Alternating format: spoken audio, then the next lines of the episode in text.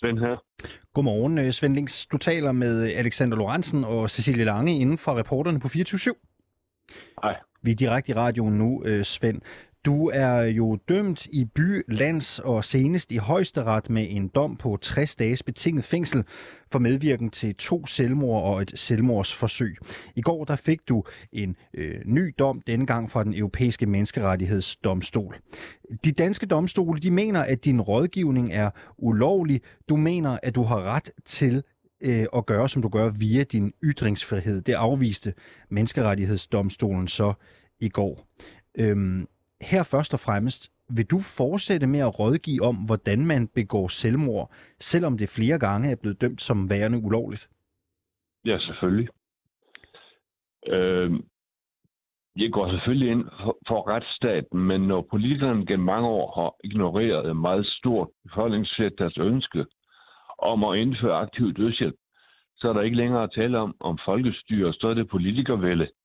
Og så er det efter min mening ikke bare en moralsk ret at overtræde loven, men også en pligt at gøre oprør og indføre demokrati på det her område.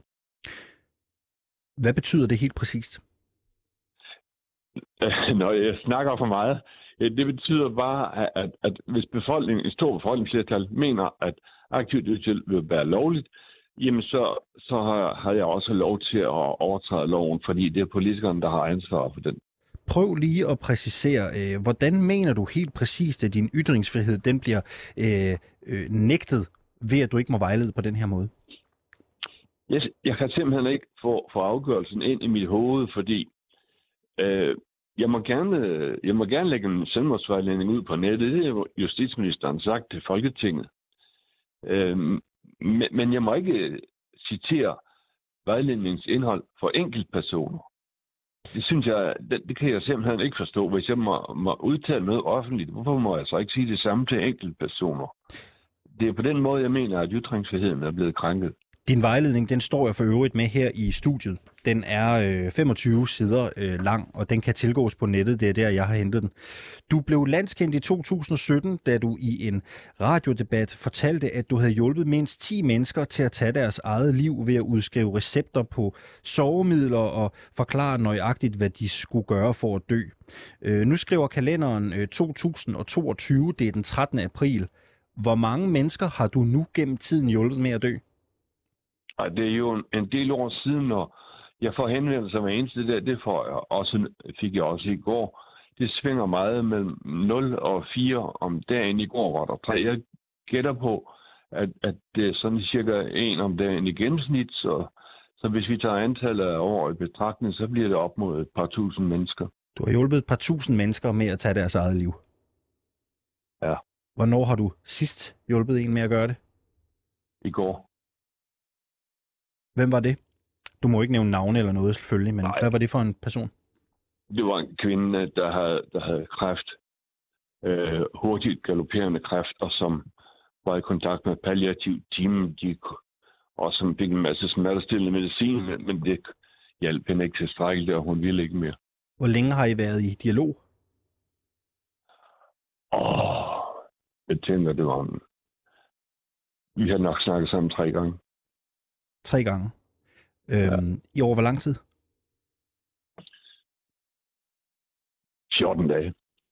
Hvornår blev du overbevist om, at hun skulle hjælpes med at komme herfra? Det var jeg sådan set fra starten. Det er jo samvittighedsspørgsmål. Jeg har været i sundhedsvæsenet i mange år, og jeg var ikke, ikke i tvivl, men, men jeg snakker altid med folk flere gange. Okay. Øhm, er hun død nu? Ved du det? Det ved jeg faktisk ikke. Okay. Øhm, vi taler videre med dig lige om lidt, øh, Svend øh, Links, som altså siger i det her interview her til morgen, at han har hjulpet flere tusind mennesker med at komme øh, herfra. Vi vil naturligvis også gerne høre din mening, dig der sidder og lytter med øh, i radioen her til morgen. Er det okay at rådgive i, hvordan man begår selvmord? Skriv til os på øh, Facebook, det kan du gøre inde på 24-7's Facebook-side. Du kan også sende en sms på 92 45 99 45, eller du kan ringe til os her til morgen. Hvis du vil spørge Svend Links om morgen, her, Svend Links om noget her til morgen, så ring ind til programmet. Nummeret er det samme. Det er 92 45 99 45. Så siger vi også bare lige for en god ordens skyld, øh, skyld at hvis du sidder i krise øh, derude, eller har tanker om selvmord i det hele taget, så kan du også øh, kontakte Livslinjens øh, telefonrådgivning. Det er på 70 201 201, og det kan man faktisk gøre alle hverdage. Øh, undskyld, alle dage i ugen øh, mellem kl. 11 og kl. 5. Svend Lings, øh, du har udarbejdet en selvmordsvejledning, som jeg også nævnte for et øjeblik siden. Jeg står med den her i studiet. Den er tilgængelig på nettet. Øhm, prøv lige at tage os med ind i konsultationsværelset. Hvordan foregår det helt konkret, når du modtager en henvendelse fra en borger, som gerne vil herfra? Enten bliver jeg ringet op, eller også får jeg en sms og bliver bedt om at ringe, eller også får jeg en e-mail, og bliver bedt om at ringe, eller også foregår så en, en besked via Messenger. Og der kan også uh, komme papirbrev, som bliver enkelte gange personlige henvendelser. Og hvad sker der så? Så snakker jeg med folk meget, lytter til, hvad de har at sige. De har næsten altid et meget stort talebehov.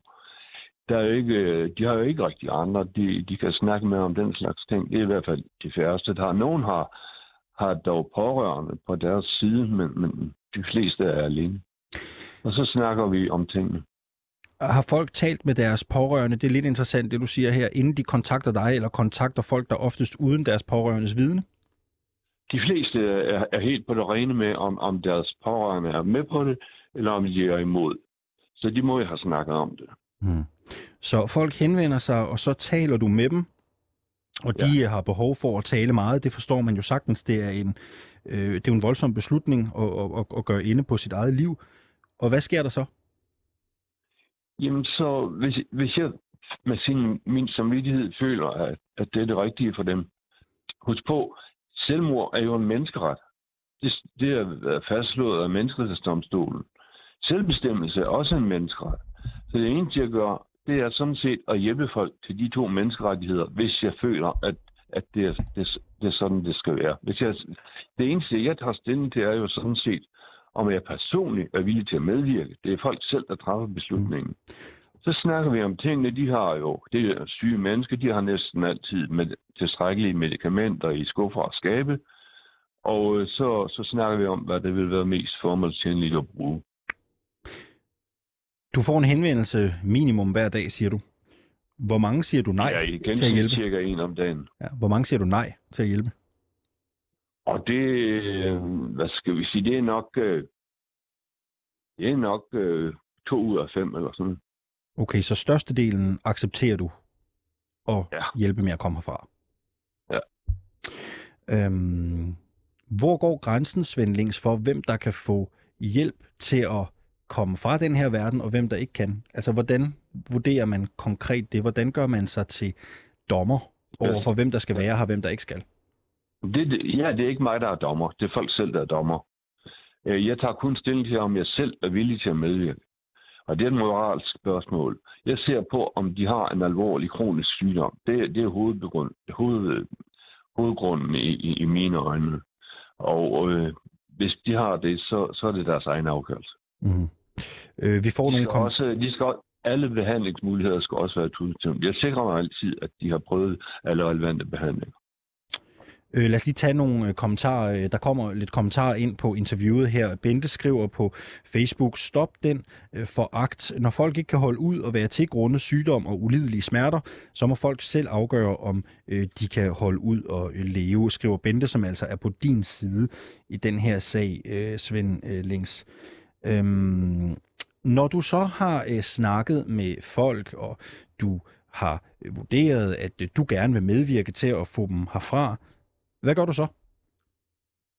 Jamen, så snakker, snakker vi om, hvad de har af medicamenter i huset, og hvad det vil være mest formålstjenligt at tage. Og så, er den sådan, og så understreger jeg, at det er vigtigt at følge selvmordsvejledningen nøjagtigt, som den står på side 1 og side 2 og så, så er den ikke længere. Mm-hmm. Og så hører du vel på et eller andet tidspunkt ikke fra folk mere? jeg hører ikke fra folk, hvis det er gået godt. Og de sidste par år har jeg faktisk ikke hørt fra patienter, der ikke er gået godt med. Men jeg hører samtidig fra pårørende, der er meget taknemmelige. og har beskrevet rolige og fredfyldte forløb, som de måske selv har deltaget i. Hører du fra folk, der har ombestemt sig også? Nej. Nej. Øh, Svend Lings, hvad er det sidste, man siger til et menneske? Jeg hører, jeg hører fra nogen, du ved, som, som ikke føler, at det er akut lige nu, og, og, men som gerne vil have, have, have, muligheden og have klarhed over, hvordan de skal gøre, hvis det bliver aktuelt. Dem hører jeg samtidig fra flere gange. Hvad er det sidste, man siger til et uh, menneske, man har hjulpet, og som man har givet en vejledning til, hvordan man kommer herfra? Hvad er det sidste, du siger til sådan et menneske? Hvad, hvad er det, siger du? Hvad er det sidste, du siger til et menneske, inden vedkommende skal herfra? Altså det sidste, du siger i en konsultation, når du formentlig hører fra en person sidste gang? Og det, det er meget forskelligt, men det kunne for eksempel være held og lykke.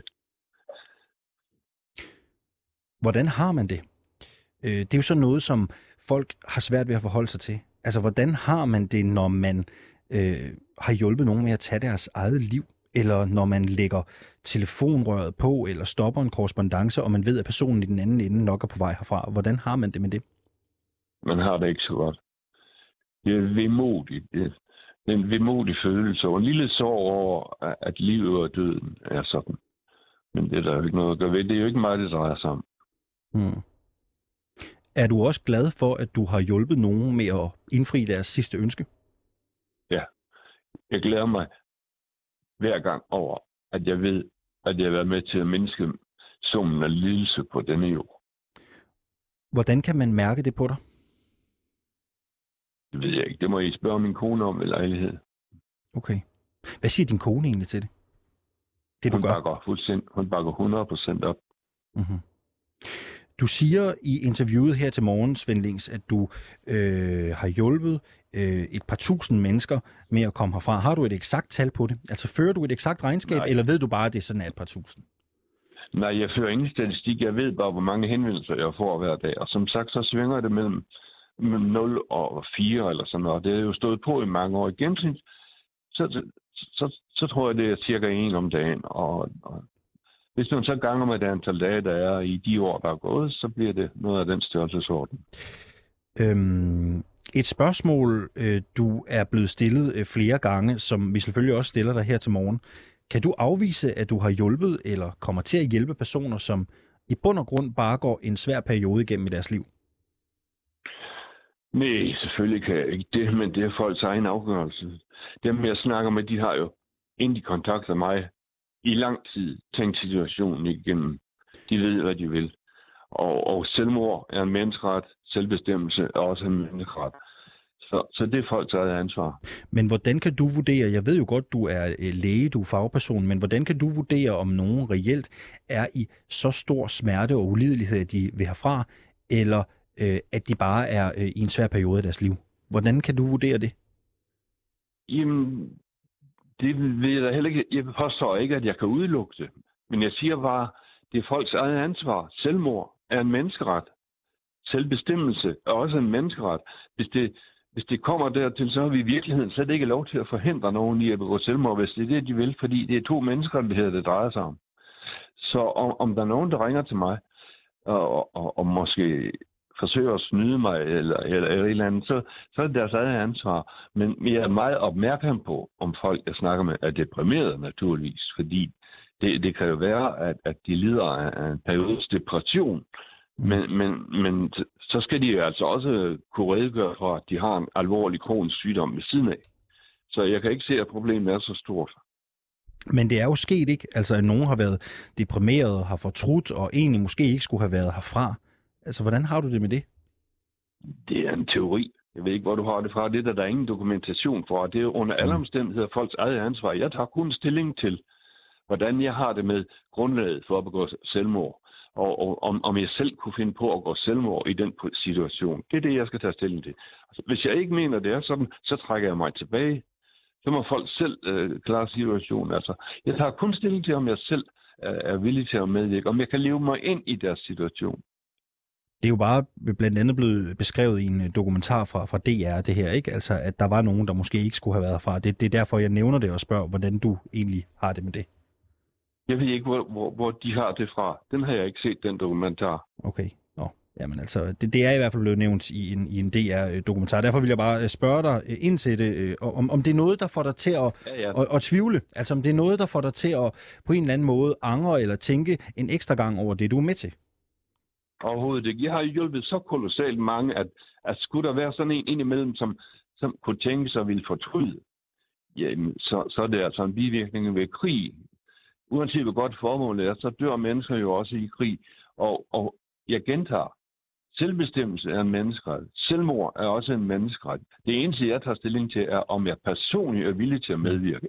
Resten er folk taget ansvar. Er der pårørende, øh, som har henvendt sig til dig, og på et tidspunkt kritiseret, at du har hjulpet nogen med at komme herfra? Ja, jeg tror, det er sket en, en eller to gange. Vil du prøve at fortælle om det? Åh, det var en, en kvinde. Vent lidt, det, det er efterhånden længe siden, det var et år siden den sidste. Det var en kvinde, som, som havde kræft, øh, og som, som lå i sengen hele tiden, kan jeg huske. Øh, og, og der var en uenighed blandt, blandt hendes børn om, hvorvidt hun skulle hjælpes eller ikke. Det var en af, et af børnene, der havde henvendt sig til mig. Og, og øh, vi aftalte så, hvordan det skulle foregå. Øh, Jeg var ikke på det tidspunkt klar over, at de var uenige indbyrdes i familien. Men under alle omstændigheder, så er det jo patientens, patienten, det drejer sig om, og ikke de pårørende. Men der var altså nogle af dem af de pårørende, der, der var imod, der, der ringede og skældte mig ud. Hvad sagde de til dig?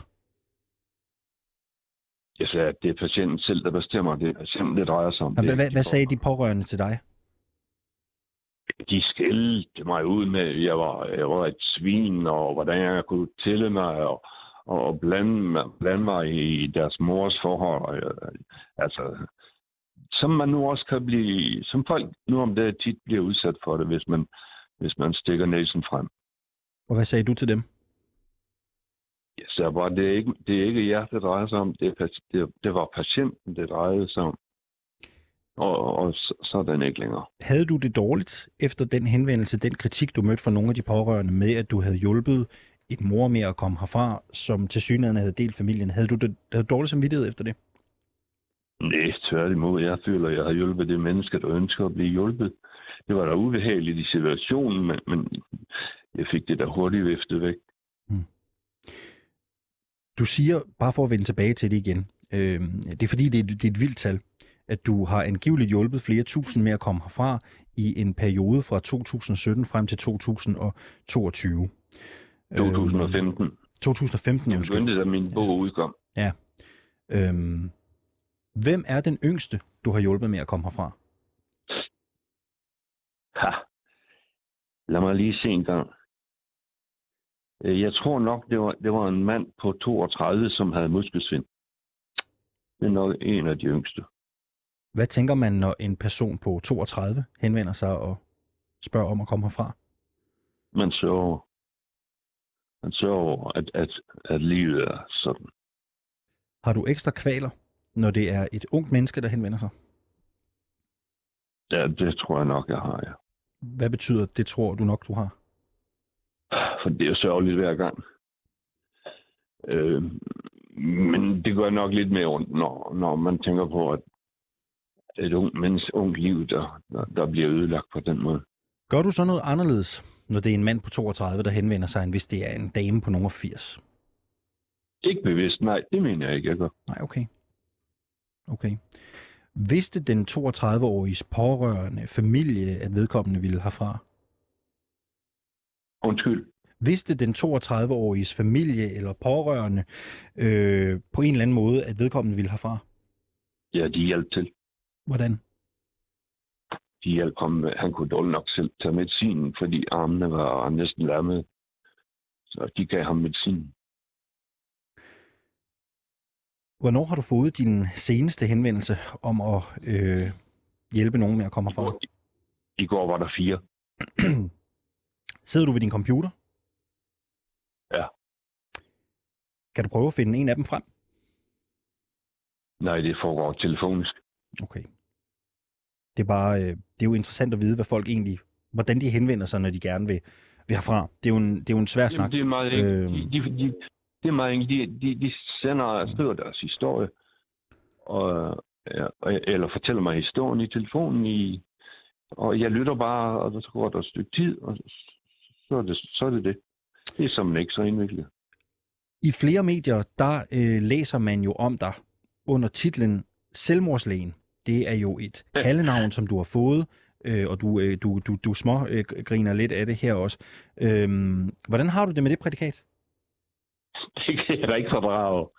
Jeg skulle hellere, de skulle hellere have kaldt mig hjælpelægen. Ja. Øh, hvor gammel er det, du er nu, Svendings?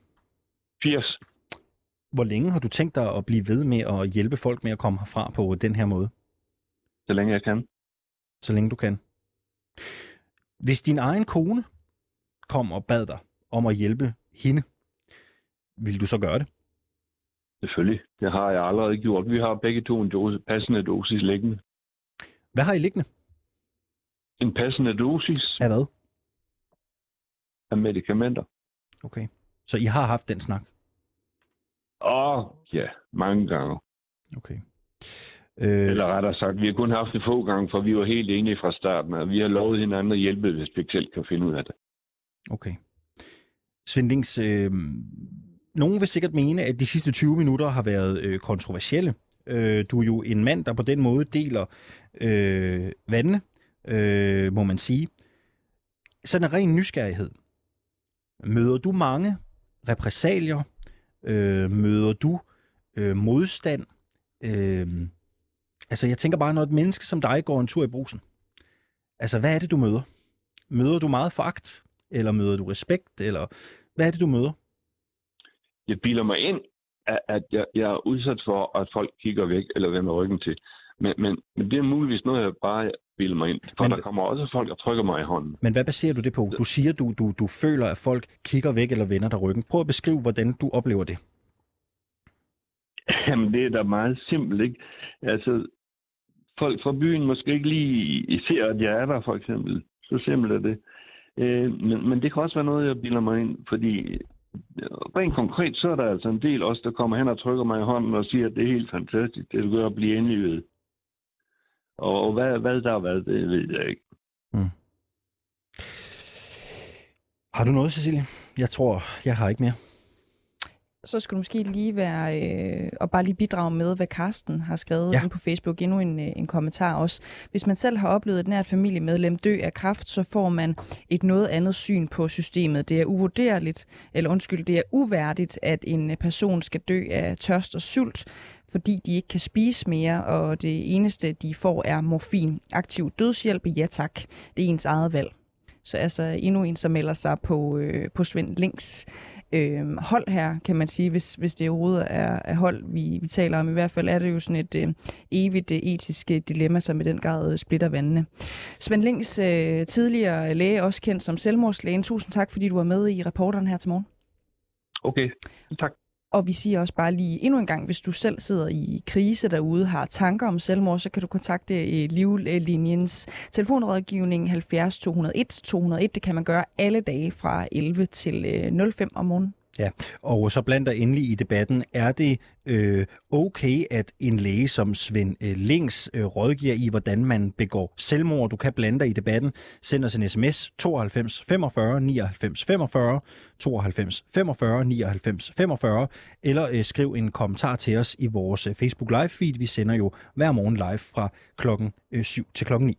Hvad, hvad tænkte du egentlig selv om det interview, øh, du lige har lavet, Alexander? Jeg synes bare, noget jeg bider mærke i, det er det der med, øh, at Svend Links øh, jo selvfølgelig, tænker jeg, har haft den her samtale med sin kone Mm. allerede, om hvad, Mm. mm. hvordan der blevet, man skulle håndtere det. Øh, har du nogensinde prøvet at have den øh, samtale med nogen, der stod der nær? Altså bare lige, hvis FYI, skat derhjemme eller et eller andet, hvis jeg bliver en grøntsag på et eller andet tidspunkt, hjælper du så? Det har jeg ikke, men øh, min mor var meget syg af kræft, da jeg gik i gymnasiet. Mm. Og øh, jeg husker, at noget af det sidste, hun sagde til mig, mens hun var indlagt, var, at jeg vil hellere, jeg vil hellere dø, end at vende tilbage til et liv, hvor jeg ikke kan være mig selv. Mm. Så på den måde har jeg haft det inde på livet. Ja. Men øh, jeg kunne aldrig have medvirket til at slå min øh, mor ihjel. Nej. Det havde jeg ikke kunnet. Det er jo også, øh, hvordan, hvordan gør man egentlig det, ikke? Øh, men jeg synes, interviewet er vigtigt. Jeg synes, det er øh, vigtigt at tage øh, debatten op. Øh, det er vigtigt at øh, beskrive, at der er holdninger som Svend Links. Mm. Og har tale om en mand, som mener, på trods af, at han jo har fået rettens ord flere gange for, at det, han gør, er forkert, at han mener, at sagen er så vigtig, at han gør det alligevel. Og, det gør og han, han har endda ikke nogen kvaler ved at sige, hvor ofte han gør det, mm. hvor meget han har gjort det, øhm, og hvad det gør for ham. Derfor synes jeg, interviewet muligvis er kontroversielt, øhm, men det er en vigtig stemme at lytte til. Og som Svend Links jo siger, så handler det jo for ham også om, at der er en folkestemning, øh, som i den grad er for ja. øh, aktiv dødshjælp. Noget vi jo ikke har øh, som en lovlig mulighed i Danmark pt. Vel? Bland jer i øh, debatten. Vi vil meget gerne høre, hvad I siger til det her lidt øh, kontroversielle emne.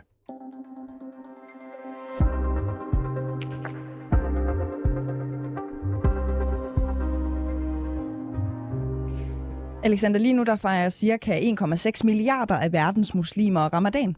Jeg ved ikke, om du har lagt øh, mærke til det sådan. Øh, ja, både her på kanalen ja, vi har, vi jo nogen, som, øh, som, som ikke får voldsomt meget at spise og, og drikke lige nu, mm. men jeg synes også, man kan fornemme det ude i, i gadebilledet Præcis. og så videre. Ikke? Øhm, ramadan, det jo er øh, den hellige måned, hvor øh, Koranen øh, påbyder muslimer at faste, altså afholde sig fra at spise, drikke og have kønslige omgang i øvrigt også fra øh, solopgang til øh, solnedgang. Det, det vil sige sex. Det må man heller ikke. Nej. Det vidste jeg ikke. Jamen ikke fra, ikke fra solopgang til solnedgang øh, i hvert fald. Ikke? Øh, meget forsimplet, så kan man sige, at ramadanen handler om at fokusere på det åndelige frem for det øh, materielle. Sådan set et, et flot øh, budskab. Ikke? Men hvis det er pointen, hvordan kan det så være, at oppyntning til ramadan er blevet enormt populært? Det kan vi passende spørge den næste øh, gæst øh, om. Øh, Haris øh, Sakirovic, er det rigtigt udtalt? Det var tæt på i hvert fald. Det er godt at høre. Du må gerne komme med dit eget øh, bud, hvis du er frisk på det.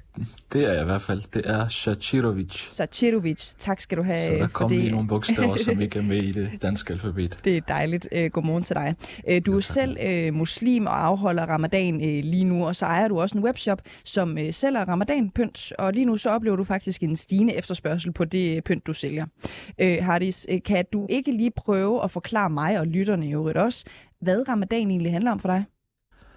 Altså, for mig handler ramadan om, øh, fint introduceret fra din side af som det første, men hovedbudskabet i ramadan, det er, at fasten er påbudt for, at man skal opnå det, der kaldes for taqwa, som betyder gudfrygtighed og gudsbevidsthed. Mm.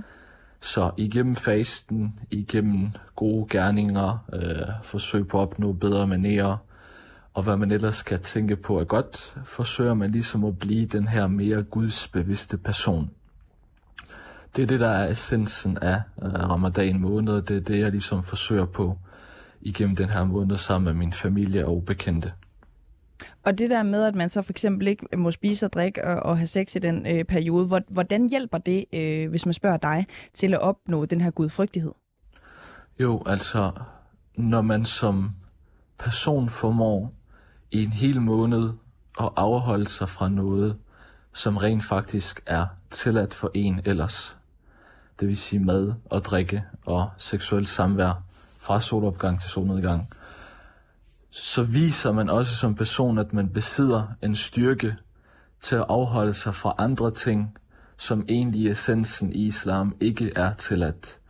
Så det er en form for bootcamp, man går igennem i en måned, hvor man ligesom styrkes som person, viser, at man har noget selvkontrol, man har noget selvdisciplin, og prøver ligesom så at arbejde på de svage sider, man nu har.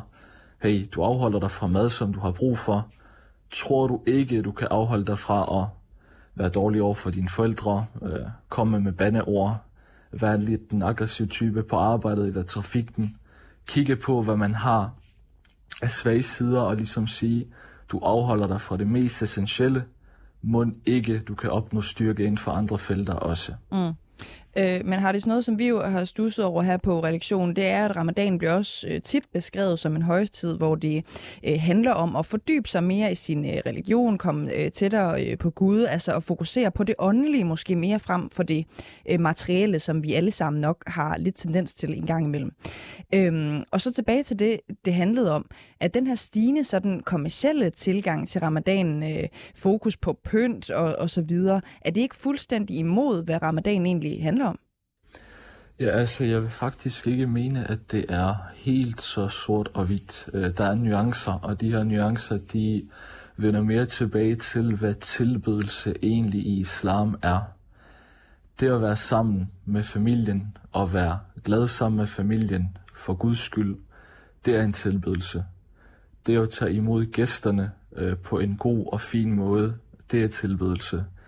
At ens børn, de ligesom får smagt sødmen af ramadan måned, og hvad det egentlig er gennem kreative aktiviteter, lære dem det, det er også tilbydelse. Så derfor øh, føler jeg, at det her med at have noget pynt herhjemme, have nogle aktiviteter hjemme, der skaber den her hyggelige stemning, som i sidste ende for mig også er et udtryk af identitet. Det er ikke noget, der ligesom modstrider, at man også har fokus på det åndelige. Der, hvor den så kan gå galt, det er jo, hvis ramadan måned bliver udelukkende det. At det eneste, man har af ramadan måned, det er sult og tørst, og så pranger man ellers ud af med det materialistiske, man har fået i sit hjem af pynt og mad og diverse sager, så kan det godt gå hen og ramme modstriden. Så det, det vender egentlig lidt tilbage til, hvilken intention man har med det. Og vi i vores hjem har set stor gavn af at have noget pynt heroppe, hvor vores små døtre, de går rundt, og de maler, og de ser på det, og de har nogle spørgsmål, hvor man virkelig, virkelig får noget hyggeligt samvær som familie. Mm. Det er jo mere bare om den der øh, definition af ramadanen øh, ikke er korrekt. Altså det der med, at man skal fordybe sig mere i, i det åndelige, øh, og måske også prøve at skære det overflødige øh, fra for eksempel det materielle. Er der ikke et clash i det? Altså det der med, at øh, man pludselig fokuserer på de kommercielle pynt. Det ser jo også godt ud på Instagram, øh, for eksempel. Øh, er der ikke et clash i det, at det pludselig er pynten, som kommer til at tage fokus? Jo, altså det, det er ikke et uh, øh, 100% clash. Øh, det vender også lidt tilbage til, at ingen person er i bund og grund uh, perfekt, og man har jo hver sit niveau af praktisering og evne til at fordybe sig, hvor nogle muslimer måske i løbet af året slet ikke rent faktisk praktiserer deres religion, men når det så kommer i ramadan måned, jamen, så prøver de. De giver det et shot, hvor det her materielle, på en eller anden måde er med til at styrke deres tanke, styrke deres identitet, give noget motivation, hvor der så er andre, som har højere styrke og formår ligesom at afholde sig endnu mere, fordybe sig endnu mere i Koranen og i andre gode gerninger og tilbydelsesgerninger. Jeg synes måske, du slår mig som en, der ligesom er oppe på den høje klinge. Altså, du virker som en, der har stor styrke. Øhm, så hvorfor er pynt egentlig noget for dig? Altså, jeg vil ikke beskrive mig selv som en, der har høj styrke. Mm. Jeg gør mit bedste og er til daglig øh, praktiserende og anser mig selv som værende en ortodox muslim. Men det er også faktisk det, der har givet mig en lille motivation, fordi jeg går også nogle gange og undrer mig over, hvad laver en maskulin mand på et værksted med store maskiner og laver det mest feminine af pynt og sælger det. Men det, der ligesom har givet mig motivation, det er, at jeg har set, at det faktisk er noget, der vækker en form for stolthed, en form for glæde over den identitet, man har.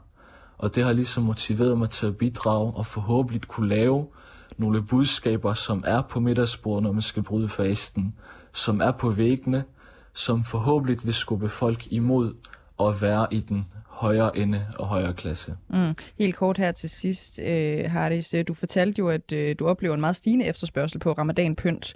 Øh, hvorfor tror du egentlig, at det er blevet vigtigere for, for danske muslimer at pynte op til ramadan? Jamen altså, jeg tror, at øh, man lever i en øh, meget materialistisk verden. Man lever i denne del af verden, hvor alt er blevet kommercielt, og hvor der er sat stor fokus på andre højtider, som man ser i Danmark.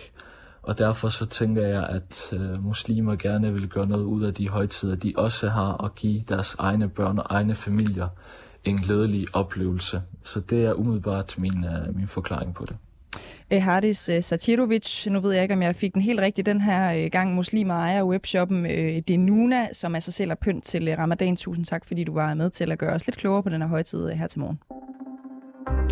Forsøget på at tvangsudsætte en kurdisk-iransk kvinde fra udrejsecentret i Avnstrup er jo blevet diskuteret vidt og bredt den seneste tid, og har medført en lang række spørgsmål til Mathias Tesfaye, som jo er øh, udlænding- og integrationsminister. Han har fået en række spørgsmål fra Folketingets udlænding- og integrationsudvalg. På sociale medier er myndighederne og regeringspolitik også blevet kritiseret, især at udsendelsen foregår med tvang, og at kvinden bliver skilt fra sit barn på halvandet år. Men kvinden har også talt med myndighederne mange gange de sidste fem år, og har kunne blive udsendt uden tvang med hele sin familie, også mand og barn. Godmorgen, øh, Toge Gripping. Godmorgen. Du er journalist her på Reporterne, og det er dig, der sidder med den her sag og har gravet dig ned i den de sidste par uger. Hvordan ved vi, at kvinden har talt med myndighederne om udrejse, inden hun blev tvangsudsendt? Jamen, øh, det ved vi, fordi at det fremgår af nogle retsdokumenter fra, øh, da den her kvinde hun blev øh, præsenteret i øh, retten efter den første øh, tvangsudsendelse af hende mislykkes. Derfor kommer hun jo hjem til øh, Danmark igen, og myndighederne har så anmodet om, at øh, hun skal være frihedsberøvet, indtil man forsøger at tvangsudsende igen. I de her dokumenter, der står, at man siden 2017, hvor øh, familien første gang får endeligt afslag og altså bliver øh, hvad skal man sige, henvist til øh, udsendelse af, øh, af Danmark. Og de har holdt mange samtaler øh, med familien siden dengang, og, øh, og fortalt familien, at man kunne altså lave den her pakke, hvad skal man sige, øh, hvor at hele familien kan blive udsendt samlet. Det er jo det, myndighederne kalder frivilligt, og det er der nogen, der vil øh, anfægte, at det er øh, frivilligt, når man øh, bliver bedt om at øh, udrejse. Ja, lad os lige prøve at dvæle lidt ved det, ikke? Fordi det er jo blevet kritiseret af flere i aktager, aktivister, øh, vi skal også tale med nogen senere, og øh, politikere endda også, at man udsender kvinden, mens hendes mand og halvanden år gamle barn kan blive i Danmark. Altså at man adskiller familien. Bare lige for at stille det helt skarpt. Ifølge de her retsdokumenter, så kunne de altså rejse med?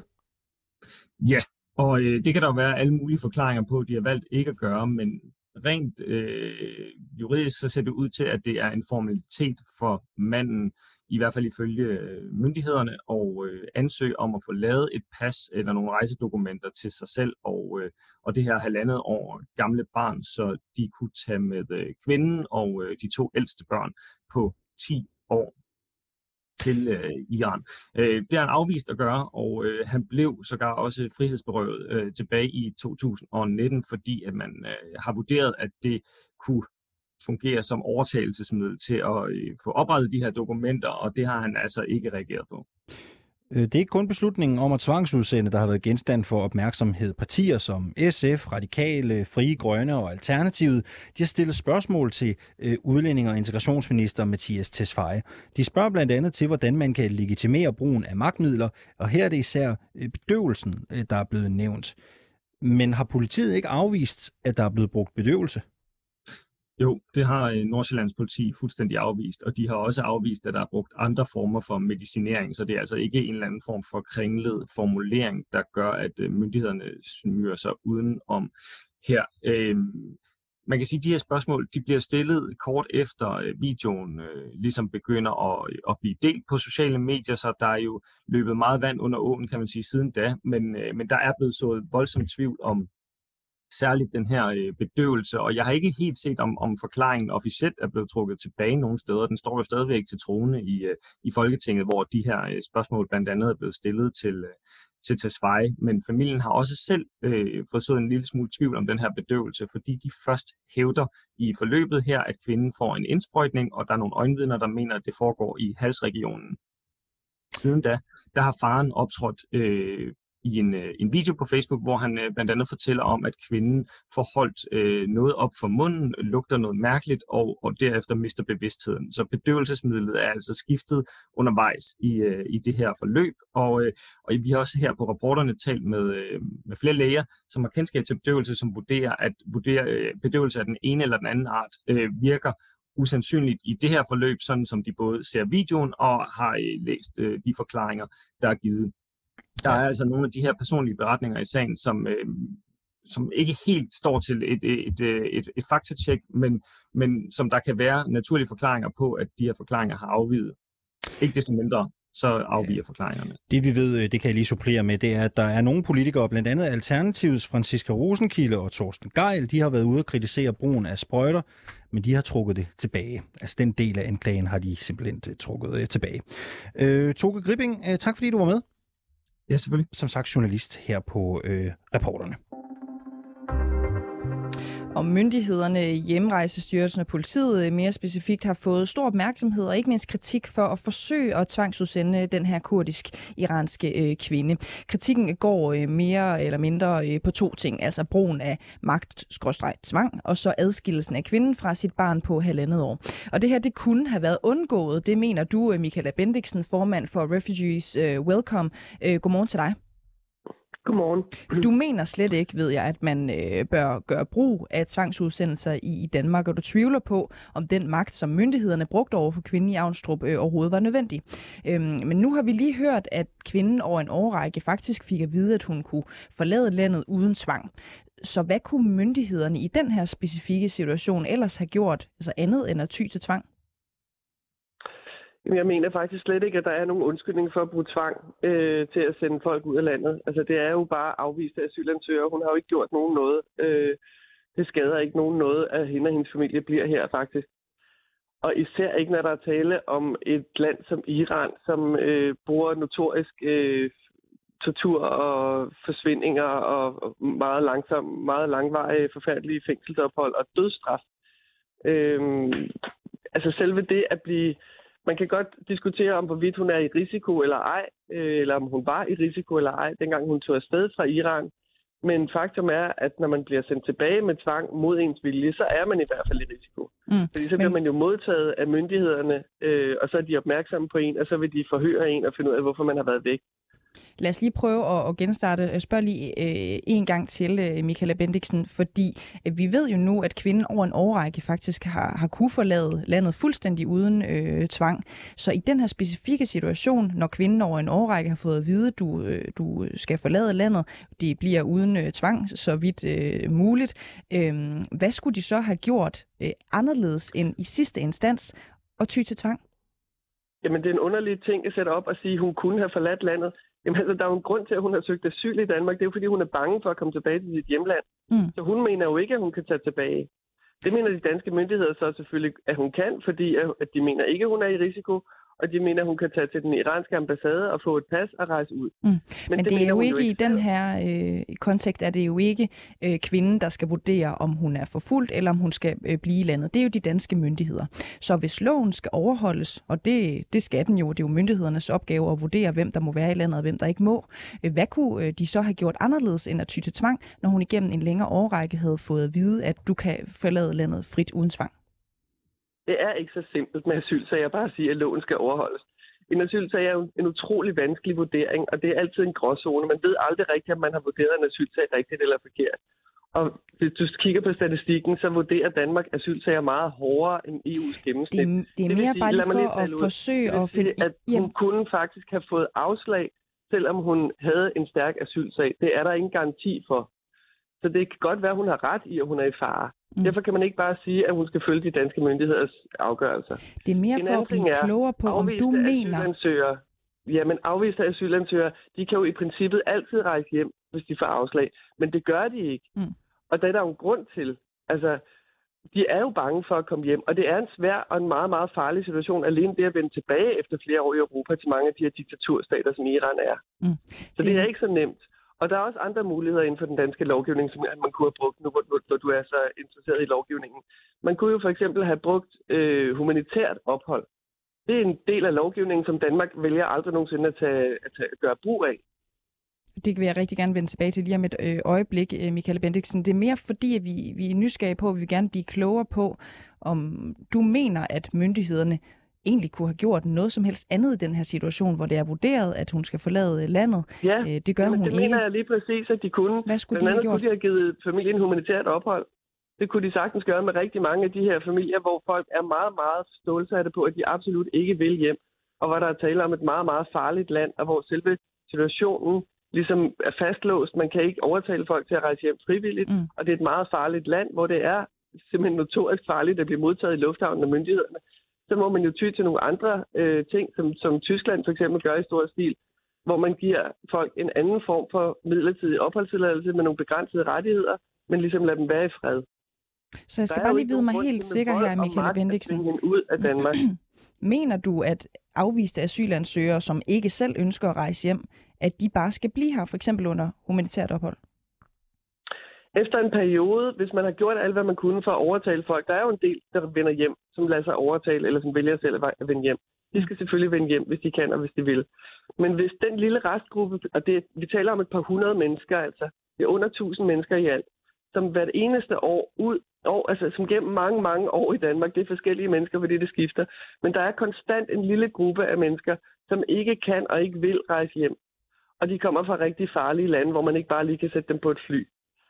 For de mennesker, der mener jeg, at man burde bruge nogle andre muligheder. Man burde give dem ophold på grund af udsendelseshindringer eller humanitært ophold.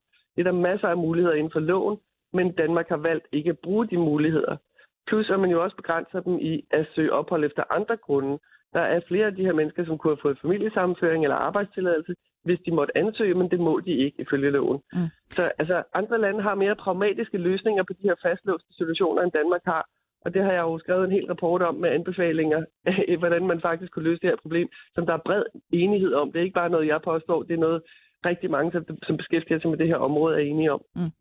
Så når øh, myndighederne har vurderet, at øh, den her specifikke kvinde øh, ikke har været udsat nok, hvilket er grunden til, at de øh, vælger at sige, at øh, det er retmæssigt, at hun skal forlade landet. Øh, I sådan et tilfælde, så skulle man øh, alligevel sørge for, at de her par hundrede øh, om året sådan set kunne få humanitær øh, ophold øh, i Danmark og blive i landet alligevel. Ja, det er der jo ingen, altså, det er der jo ingen argumenter imod. Der er ikke nogen grund til, at de ikke skulle have lov til at blive her.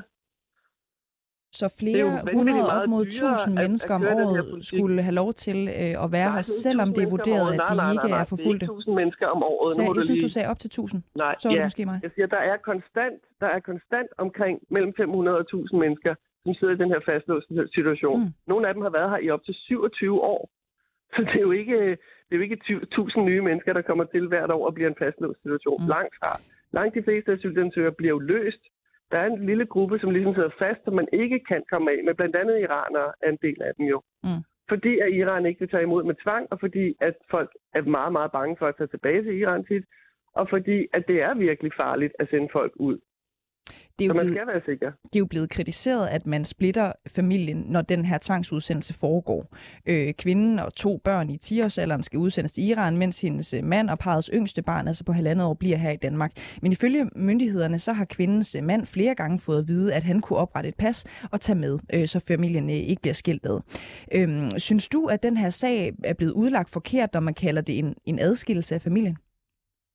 Nej, jeg synes i høj grad, det er en adskillelse af familien. Det er der jo ingen tvivl om, at det er. Det kan man jo se. Altså, Men mand må jo godt tage med. Om. Ja, i princippet, men igen, altså man bliver jo nødt til at forstå asylsager og hele asylsystemet, for at man kan udtale sig på den her måde. Det, det er jo en mystisk måde at fremstille det på. Ja, i princippet kunne han selvfølgelig godt henvende sig til den iranske ambassade og bede om et pas, men prøv at forestille dig, hvordan det foregår. Altså, den iranske, Iran er et diktatur, og de har en fuldstændig vanvittig sikkerhedstjeneste, som torturerer folk og afhører folk og få folk til at forsvinde i fængslerne. Altså, vi har lige hørt, at, at Amnesty har kritiseret iranske mm. fængsler mm. for, at, at de ikke engang giver folk lægehjælp og lader dem dø i fængslerne. Det er mere for bare lige at holde fokus ja, på den her adskillelse, ja, hvis det er okay med dig, øh, ja, han, Michael. Jamen, jeg er inde på emnet, du skal bare høre efter. Hvis han går tager tilbage til øh, ambassaden, hvis han henvender sig til den danske ambassade i Danmark, i København, efter mange år i Danmark, og mm. siger, undskyld, men jeg er her lige uden ulovligt ophold. Jeg kan ikke lige forklare, hvordan jeg er kommet hertil, og hvor, hvad jeg har lavet her i de her otte år. Det er da klart, at de iranske myndigheder vil sige, hvad i alverden har du lavet her, og hvorfor har du forladt landet? Og de kan da godt regne ud, at han har søgt om asyl, og han er kurd, og han tilhører et mindretal osv. Altså, de vil jo gennemtråle hans sag. Det er mere om for, det er klart, for at blive klogere på, om man faktisk kan kalde det en adskillelse, øhm, når ja, det, det har stået faren frit klart, for at, at rejse med, for eksempel sin kone? Jamen, det står ham jo ikke frit for. Det er jo at udsætte sig selv for en voldsom fare, hvis han gør det. Det er det, jeg mener. Det er jo ikke et frit valg at henvende sig på en ambassade til et diktatur og bede om at komme tilbage i fængsel. Altså, det er jo ikke et valg. Mm. Øh, myndighederne øh, her i Danmark har vurderet, at det er sikkert nok for den her familie at vende tilbage til Iran. Øh, skal jeg forstå det sådan, øh, at du stoler ikke på myndighedernes øh, vurdering i nogle af de her sager? Ja, i høj grad. Jeg forstoler overhovedet ikke på myndighedernes vurdering i mange af de her sager. Mm. Jeg har jo fulgt de her sager igennem 15 år, har jeg fulgt utrolig mange asylsager fra ankomst til, til at folk er blevet afvist eller fået asyl. Og virkelig mange af de her sager er jo kritiseret eller kritisable. De bliver jo genoptaget, de bliver omstødt osv. også i, i mange af tilfældene. FN øh, udtaler kritik mod nogle af de her beslutninger. Man kan ikke påklage beslutningerne til videre retsinstanser, sådan som man kan med alle andre sager i Danmark osv. Hele systemet er simpelthen designet til at give afslag i højst, altså flest mulige afslag. Jeg siger ikke, at det er et fuldstændig umuligt system. De, der er også rigtige beslutninger, øh, og der er fornuftige mennesker, der arbejder inden for det. Men der er en god grund til at kritisere de her beslutninger. Og man kan jo se på statistikkerne, at Danmark giver langt færre asyltilladelser end EU's gennemsnit. Og det vil jo logisk sige, at nogle af de mennesker, som andre lande mener er i fare, dem mener Danmark ikke er i fare. Så det mm. er jo en diskussion, hvor snittet skal ligge henne, og hvor barrieren skal være. Og den er, den er meget, meget høj i Danmark. Mener du, at danske myndigheder med åbne øjne sætter øh, folks øh, liv i fare? Ja, det mener jeg faktisk, de gør. I sådan en situation her, altså, jamen, altså, selv, selv det overgreb, der foregår mod kvinden og hendes børn, det er jo en traumatiserende hændelse, som vil følge dem resten af deres liv. Det er jo noget, Danmark gør med åbne øjne. Og jeg ved godt, hvorfor man gør det. Man gør det for at skræmme andre væk. Man gør det, fordi man har en misforstået opfattelse af, hvordan asylansøgere og flygtninge rundt omkring i verden tænker. Man tror, at Så man ved gør det for at afskrække, væk, man gør det ved at begå ja. et overgreb, som du kalder det, for at sørge for, at der ja. øh, ikke er flere, der vil søge øh, asyl mere end højst nødvendigt øh, her i Danmark. Ja. Hvad tror du, incitamentet fra myndighedernes side øh, skulle være? Altså tror du ikke også, der kunne være noget af det her, som handler om, at øh, man vurderer, at det ikke er alle asylansøgere, som danskerne øh, og Danmark kan tage imod, så man er nødt til at prioritere meget hårdt, når man for eksempel vælger at sende en, en kvinde tilbage til Iran? Nej, det har jo ikke noget. Det er, det er jo en risikovurdering, som foregår hos myndighederne. Der er jo ikke noget at gøre med, hvor mange Danmark kan tage imod i det øjeblik. Altså, hvis vedkommende var kommet fra Syrien, så havde vedkommende jo fået asyl. Det er der ingen tvivl om. Altså, så, så det, er jo en, det er jo ikke et spørgsmål om antal i det øjeblik.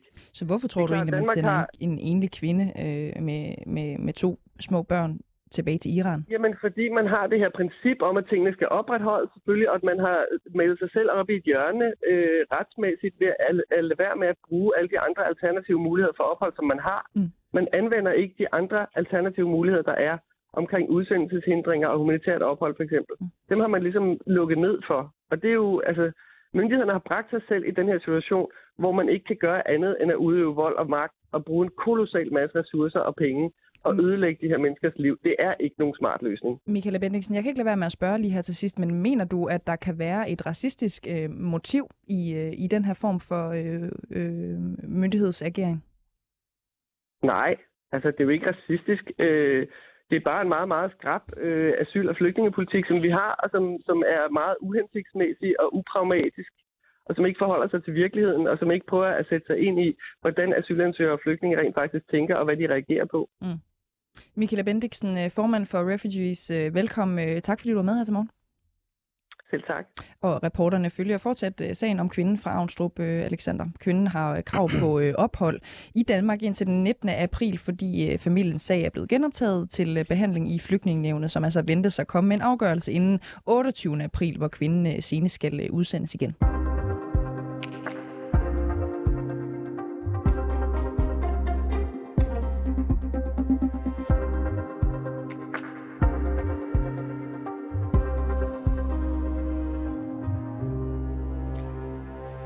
Spiller den danske stat skatteborgernes penge på øh, test for øh, covid? Vi bruger omkring 50 millioner kroner om måneden på PCR-test. Vi tester nemlig stadigvæk for corona. Er det spilder penge? Det spørger vi enhedslistens sundhedsordfører Peter Velblund om. Det gør vi om 10 minutter her i den sidste udgave af rapporterne, inden påsken den rammer. Mm. Og de seneste to uger, der har indbyggere i Shanghai været lukket inde i deres hjem på grund af covid-19. Det har regeringen beordret. På nettet er der videoer af desperate mennesker, mennesker på jagt efter mad, mennesker, der bryder ind i supermarkeder og mennesker, som råber efter hjælp. Efter de her videoer er kommet frem, så har den den kinesiske regering dog løsnet lidt på restriktionerne. Ifølge det britiske medie Independent, så vil nogle supermarkeder og apoteker nu øh, genåbne, så folk igen kan få mad og medicin for eksempel. Men øh, øh, hvor mange, som faktisk får lov at forlade deres hjem, det ved vi ikke endnu. Mads Vestager Nielsen, redaktør på nyhedsbrevet Analytica, øh, hvor I bringer dansk-kinesiske nyheder. Velkommen til reporterne. Tak skal du have. Øhm, du har boet øh, fem et halvt år i øh, Beijing og har øh, et halvt år cirka været i, i Shanghai. Øhm, og så har du fulgt øh, udvikling i Kina længe og sad også i lockdown i Beijing tilbage i 2020. Øhm, vil du ikke lige prøve at starte med at sætte nogle ord på, øh, hvad er det, der sker i Shanghai lige nu? Jo, øhm, altså omikron er begyndt at sprede sig i, øh, i Shanghai, og man har simpelthen prøvet at lave øh, lockdowns i øh, store dele af Shanghai, som man har haft held med i andre dele af Kina tidligere. Men øh, det har egentlig øh, været for at øh, sikre, at andre varianter af coronavirus ikke spreder sig, men det virker altså ikke mod omikron, og det er derfor, vi ser den her øh, situation, der er kommet helt ud af kontrol mm. i virkeligheden. Vil du ikke lige prøve sådan at beskrive for os de, de vildeste situationer, øh, du har været vidne til øh, i, i den her lockdown? Øhm, jamen altså, jeg har jo set mange videoer, øhm, der er blevet spredt både på kinesiske sociale medier, og også øh, altså på vestlige sociale medier. Men altså, det jeg er blevet ret overrasket over at se, det er altså menneskemængder, der stemmer sammen foran øh, kinesiske øh, hvad hedder det, myndighedsrepræsentanter og råber af dem, at de vil, de vil have mad, og at de føler, at de ikke bliver øh, behandlet færre. Altså det er noget, vi ser meget sjældent i Kina. Øhm, og så ud over det, altså meget hjerteskærende videoer af øhm, øh, altså familiemedlemmer, der skubber nogle af deres ældre øh, til hospitaler, fordi at de simpelthen øh, øh, ikke får, får sendt ambulancer ud, på grund af, at man er bange for, ligesom, at, øh, at øh, virusen vil sprede sig. Ikke? Alle de her videoer, de går jo viralt på kinesiske sociale medier i kort tid, før de så bliver censureret bort. Men igen, så må jeg sige, det er altså ikke noget, vi har set tidligere øhm, øh, i virusårene øh, her. Mm.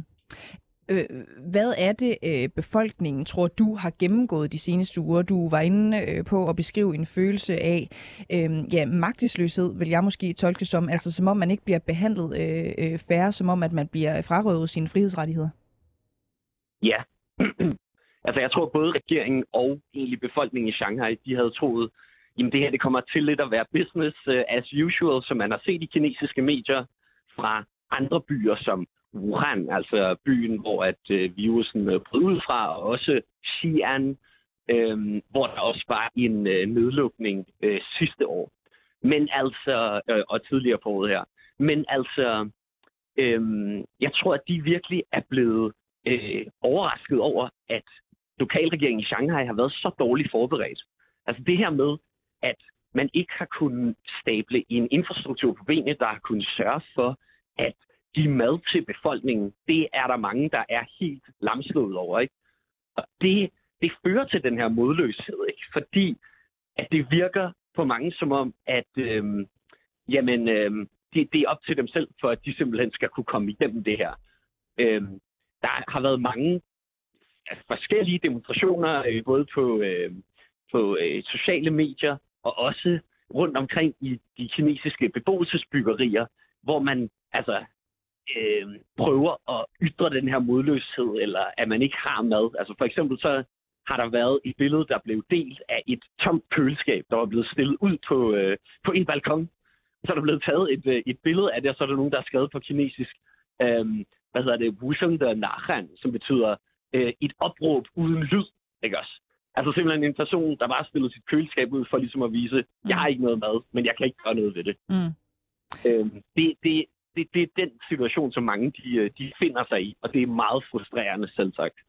Jeg kan ikke lade være med at spørge, øh, Mads Vesterager, altså fordi man kan sige, jeg går ud fra, at hele øh, ideen med, med, med den her voldsomme øh, nedlukning, det er jo at sørge for, at virusen ikke øh, spreder sig, så der ikke er for mange, ja. der, der dør et eller andet sted. Men omvendt kan jeg ikke lade ja. være med at tænke på, kender du til dødsfald, øh, som er kommet, fordi folk selv, simpelthen ikke kan komme ud? Altså på grund af den hårde nedlukning, der er, så er det meget svært at verificere på nuværende tidspunkt. Men der har trods alt været, øh, jeg tror, der er en historie, der er blevet bragt med en, øh, en ældre mand, der er øh, død af, en, af, hvad hedder det, øh, nyresvigt. Altså simpelthen fordi han ikke kunne komme på hospitalet. Og der er, som jeg også nævnte med den her video tidligere, så er der faktisk mange familier, der begynder at skrive ud, at deres ældre øhm, øh, og, og syge i familierne, jamen, at de ikke kan få den fornødne behandling. Jeg har sågar set nogle af mine kinesiske venner, der ikke bor i Kina, øhm, som skriver på sociale medier, at de er meget bange for, altså er bekymret for deres øhm, bedsteforældres velvære i den her tid. For hvis de bliver syge, så er det altså ikke øh, givet, at de kan komme ind og få, øh, hvad hedder det, en plads på hospitalet, vel? Så altså, der er, der er meldinger om dødsfald. Vi ved altså slet ikke, i hvilken øh, skala det er. Men øh, der er ingen tvivl om, at der er mange kinesere, der mener, at øh, Shanghai-kinesere, der mener, at lige nu, der er, øh, hvad hedder det, øh, øh, øh, lockdownsene næsten værre, kan man sige, end, øh, end, end det ville være at have en lidt løsere politik og måske lidt flere smittet. Mm. Så øh, det er situationen, som det er nu. Og det er også det, der virker lidt øh, kontraproduktivt, synes jeg, i, i forhold til det, du fortæller ja. mig øh, nu. Altså, det er som om, at virusens øh, effekter og konsekvenser vil man gøre alt for at undgå, men det virker så til, at man ikke rigtig har overblikket over, hvilke konsekvenser det så får, for eksempel for ældre øh, på alle mulige andre øh, parametre, også sygdomsmæssigt. Kan du ikke lige prøve at sætte nogle ord på, altså hvad går den kinesiske virusmodel egentlig ud på, siden man tænker, at det her giver mening? Jo, jo, helt sikkert. Øhm, jamen, det vi skal forstå, det er, at øhm, øh, efter at virusen den ramte Kina der i 2020, så havde, altså var der jo hårde nedlukninger i stort set hele Kina. Det, det ved vi jo øh, også fra mange af de rapporter, som vi, hvad hedder det, øh, eller som der var i vestlige medier på det tidspunkt. Men efter at man begyndte at åbne lidt op, op mod sommeren 2020, så begyndte man at sige, kinesiske øh, medier, at øh, man, man nærmest havde klaret det bedre end resten af verden. Ikke? Altså den kinesiske måde at tilgå det her på med, øh, med den hårde lockdown, jamen det, øh, det havde virket. Og det, det, efter det er det lidt blevet for en fortælling i Kina, ikke også, at det, det øh, hvad hedder det, øh, det har været et eksempel, hvor det kinesiske, øh, den kinesiske virusmodel, kan man sige, tilgang med den her hårde øh, lockdown, jamen, øh, at, at det har været fordelagtigt. Og det bliver jo lidt gennemhullet med det, vi ser i, øh, i Shanghai lige nu. Ikke? Mm. Og altså selvfølgelig tidligere, øh, under tidligere lockdowns, der er der jo masser af, af også øh, andre historier om, om, øh, omkring, øh, hvad hedder det, øh, jamen altså hvor at, at lockdownsene også har omkostninger for folk, som vi ikke hører på grund af, at det er virkelig svært for folk at komme ud med, øh, med ytringer, når det er, der virkelig kommer lockdown som det her. Ikke? Det er igen derfor, det er ret interessant at se, hvad der sker i Shanghai, fordi på trods af de sociale omkostninger, det kan have for folk at lave øhm, jamen, demonstrationer mod de her lockdowns, så føler man altså, at det er nødvendigt alligevel. Ikke? Hvad gør så, myndighederne egentlig, hvis vi lige kan nå det? Altså, øh, kan du lige prøve ja. at give os de vildeste eksempler på, hvad, hvad myndighederne gør for at holde folk inde? Jo, altså lige nu, der, øhm, der er der øh, flere eksempler på, at man øhm, jamen, enten sætter tape over døre, så man kan se, om folk de bryder ud eller ej. Det er jo fordi, at man gerne vil have, at folk de bliver inde i deres lejligheder. Så det er man efter logikken under den her model, at, øh, at øh, de ikke skal samles og ligesom sprede virusen. Så der, har der også været eksempler på, at man simpelthen forsejler døre, øh, ligesom vi også hørte fra, øh, fra, fra Wuhan. Og så har der også været flere videoer ude, hvor at øh, der er virusmyndigheder, altså folk i de her hvide øhm, øh, heldragter, jamen, der simpelthen har øh, øh, altså slået folk, altså med vold, ligesom øh, øh, forsøgt at tvinge folk til at gå tilbage øh, i deres huse. Ikke?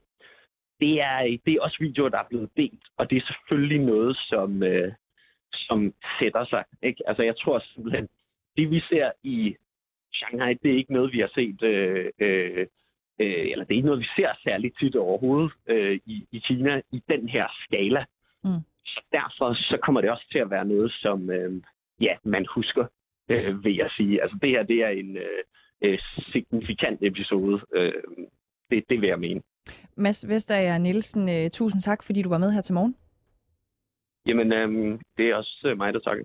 Det er godt redaktør på nyhedsbrevet øh, Senolytica, hvor øh, der altså bringes dansk-kinesiske øh, nyheder. Og Alexander, der florerer i øvrigt også en video fra Shanghai, hvor folk, der var gået ud for at synge fra deres balkonger i protest, de blev afbrudt af en drone, og så lige over højtaler ligesom bedt om at prøve at kontrollere deres, og jeg citerer, kontrollere deres sjæls begær efter frihed. Ikke? Det er også træls med sådan mm. noget sjælsbegær og frihed. Altså, ikke? Slut med det. Og vi bliver ved corona dog øh, under lidt mere hjemlige omstændigheder. For de seneste coronatal de viser, at der er 2.683 nye smittetilfælde. Og vi tester stadigvæk for covid-19 her i øh, Danmark.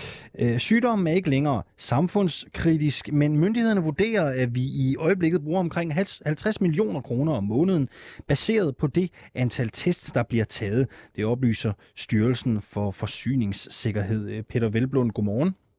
Godmorgen. Du er sundhedsordfører for Enhedslisten. Omkring 50 millioner kroner på PCR-test om måneden. Spilder vi skatteydernes penge? Ja, jeg synes i hvert fald, øh, vi nu er på et, øh, et sted i, øh, i forhold til epidemien, hvor man kan sige, der giver det ikke mening, at vi har øh, stadigvæk så massivt et, øh, en testning, som, som vi har nu. Øh, altså der burde vi at, at være et sted, hvor vi kan overgå til en langt mere ekstensiv øh, form for epidemiovervågning, som, øh, kunne handle om dels øh, brug af, af spildevandsovervågning, og så det, der hedder sentinel-test hos, hos egen læge, altså øh, en form for, for hvad hedder det, øh, repræsentativ test øh, hos egen læge. Og så kunne man jo have aftaler om, at dem, der havde behov for at få øh, en test, fordi øh, det kunne være i forbindelse med, med at de har øh, nære pårørende, som, som stadigvæk er, er, er særlig sårbare, øh, Øh, at de så kunne få foretaget en, en PCR-test hos, øh, hos egen læge. Øh, altså det, jeg synes, det virker voldsomt, at vi har så øh, omfattende et øh, testapparat til at køre stadigvæk, øh, når, når smitten er så lidt udbredt, som den er nu. Men det er klart, at vi har stadigvæk brug for en form for epidemiovervågning, fordi vi jo netop kan risikere, at der kommer øh, en ny bølge, øh, altså eventuelt til efteråret, og så skal, er det klart, så skal vi være klar til at kunne, kunne opskalere indsatsen igen, hvis, hvis det skulle blive nødvendigt. Men så er det måske i virkeligheden godt nok, at vi har de her PCR-tests på lager. Ja, altså i, i et vist omfang øh, er det jo fornuftigt at have et lager af dem, for det er klart, skulle der komme en ny øh, global epidemi til, øh, til, øh, til efteråret, øh, så, så kan man sige, noget af det, vi har lært i hvert fald for tidligere, er jo, at vi skal sikre, at vi har et beredskab, der gør, at vi ikke skal ud og investere i, i nye test øh, i, et, øh, i et overophedet marked. Øhm, så, så derfor er det klart, at det er noget af det, der skal indgå i, i overvejelserne, og det er også derfor, vi øh, har presset på over for regeringen, og, og hvor vi også øh, nu er, er blevet stillet i udsigt, at vi får øh, drøftelser om, hvordan vi har en klar strategi for, hvordan vi skal håndtere covid, øh, både her hen over sommeren, men også sikre, at der er øh, et beredskab klar til efteråret, hvis det skulle vise sig, at, øh, at der skulle komme en ny bølge med, med en variant, der kræver en, en særlig øh, opmærksomhed. Og hvad tager du og enhedslisten med på bordet til de drøftelser? Jamen, øh, der ligger jo allerede en, øh, en rapport fra en ekspertgruppe tilbage fra september måned, som, øh, som beskrev øh, forskellige øh, stadier i forhold til, øh, til beredskabet. Øh, og, og det handler jo netop om, at vi skal sikre, at vi har øh, tilstrækkelig epidemiovervågning til, at vi løbende kan følge med i, hvordan epidemien udvikler sig. Øh, at vi har et, øh, et beredskab på plads, både i forhold til, til værnemidler og, og test. Øh, og så er det klart, så, så handler det også om, at vi skal have muligheden for at kunne reagere tidligt. Øh, altså i stedet for, at vi skal komme i en situation, hvor, hvor epidemien er øh, stukket af, og man øh, eventuelt skal til at overveje øh, restriktioner igen, at man så kan gribe ind tidligere, altså for eksempel i forhold til, at hvis man ser lokale udbrud, at, øh, at man kan sikre, at der er øh, for eksempel HEPA-filtre i, øh, i skolerne, at der er sikret mulighed for, for ordentlig udluftning. Øh, og, øh, og også sikre, at man kan undervise i, øh, i mindre hold, så man har øh, beredskabsplaner på plads øh, i forhold til at kunne reagere tidligt, øh, og så netop også kan benytte sig af, af anbefalinger frem for, at de skal ud i noget, hvor man skal bruge øh, restriktioner igen. Du er skeptisk over for øh, det indkøb af PCR-test, der koster 50 øh, millioner kroner om øh, måneden. Øh, hvad øh, mener du om testcentrene? Skal vi blive ved med at have testcentre?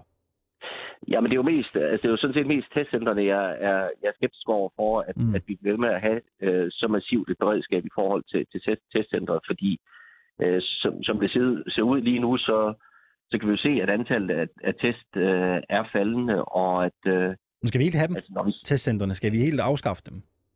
Ja, det, det kommer vi jo til. Uh, altså, vi kommer til gradvist at få dem afviklet, fordi uh, i takt med, at, at antallet af smittede uh, falder, og, og, um, og, det og vi, bare, se, at vi, vi har dem jo stadigvæk. Lige nu koster de penge. Skulle vi lukke dem i morgen, hvis det stod til dig, sådan som det ser ud lige nu?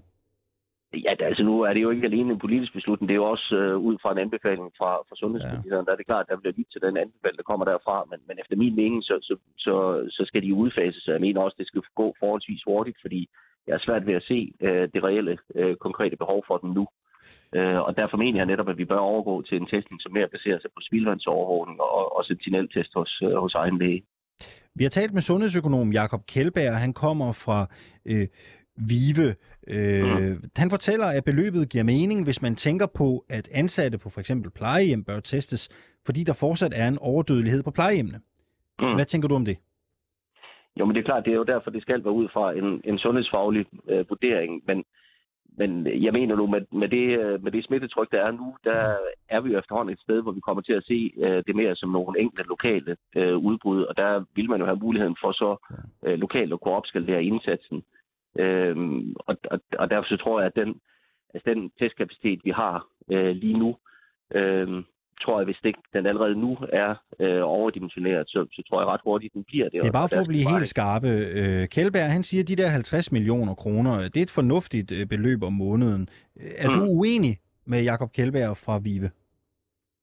Nej, altså jeg, det er jo det, jeg siger, at det afhænger fuldstændig af den vurdering, der er for sundhedsmyndighederne. Min pointe er bare, at der, hvor vi står i epidemien nu, der vil det være nødvendigt at få udfaset den testkapacitet, øh, vi har nu, fordi vi kommer til at se en, en, øh, en, øh, en, en vigende øh, hvad hedder det, udvikling i, øh, i epidemien.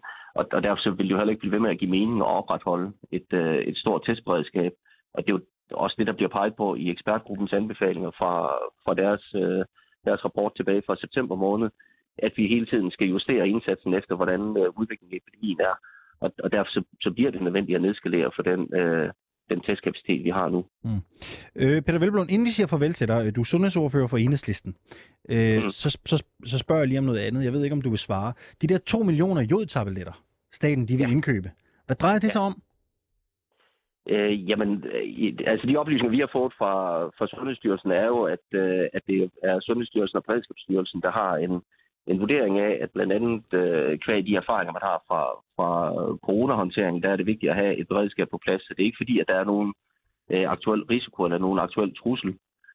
Øh, så, så det er simpelthen for at have det som, som øh, en del af beredskabet. Øh, og det er også, altså, der er ikke nogen konkret øh, risiko for et øh, for, for, for strålingsfare i, i Danmark. Der kan man sige, at jodtabletter er jo også, øh, at hjælper kun i et begrænset omfang i forhold til en helt særlig form for på type stråling, som kan få konsekvenser især for, for børn og unge, der kan risikere at få, øh, få skjold, øh, kraftig skjoldbruskkirtel. Det, er jo, det er jo heller ikke dig, der skal stå på mål for det på den måde. Det er jo Nej, det er bare altså, fordi... Det, det, det, det, det, jeg har understreget i forhold til, til, til den, øh, hvad hedder det, det indkøb af de to millioner jodtabletter, det er, at jeg synes, det er helt centralt, at vi skal sikre os, ja. at vi ikke deltager i et eller andet hamstringskapsløb, så, ja.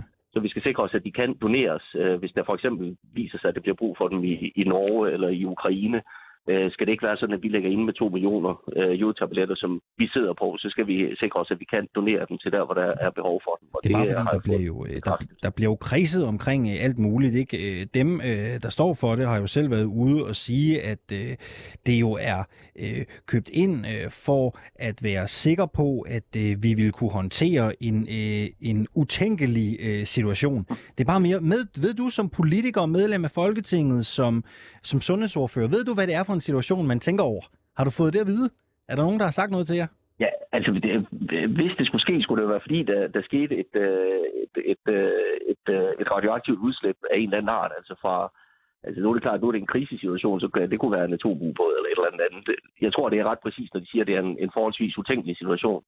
Øh, det, det kunne også være et, øh, jeg synes, skulle det være et atomkraftværk i umiddelbar nærhed af, af Danmark. Altså, det er jo ikke, øh, vi taler ikke om et atomkraftværk i, øh, i Ukraine, fordi der vil strålingsrisikoen øh, i Danmark være forsvindende lille. Okay. Øh, så, så det er jo kun, hvis der opstår en helt ja, nærmest utænkelig situation, at så vil man have muligheden for at kunne, øh, kunne bruge øh, jodtabletter i, i en forebyggende indsats. Har det Men noget med atomangreb at gøre øh, i forbindelse med konflikten i Ukraine? Nej, nej, det har ikke noget med atomangreb at gøre. Altså, der- det er jo ikke sådan, hvis du spiser en jodtablet, så Nej, nej, nej. går du rundt med en magisk boble omkring dig, så du, du er beskyttet. Nej. Det, det, det er klart, at man kan bruge det forebyggende. Skulle der ske et radioaktivt udslip, kunne det give mening at give jodtabletter især til den yngre del af befolkningen for at forebygge øh, risikoen for, for, for kraftig skjoldbuskirtel.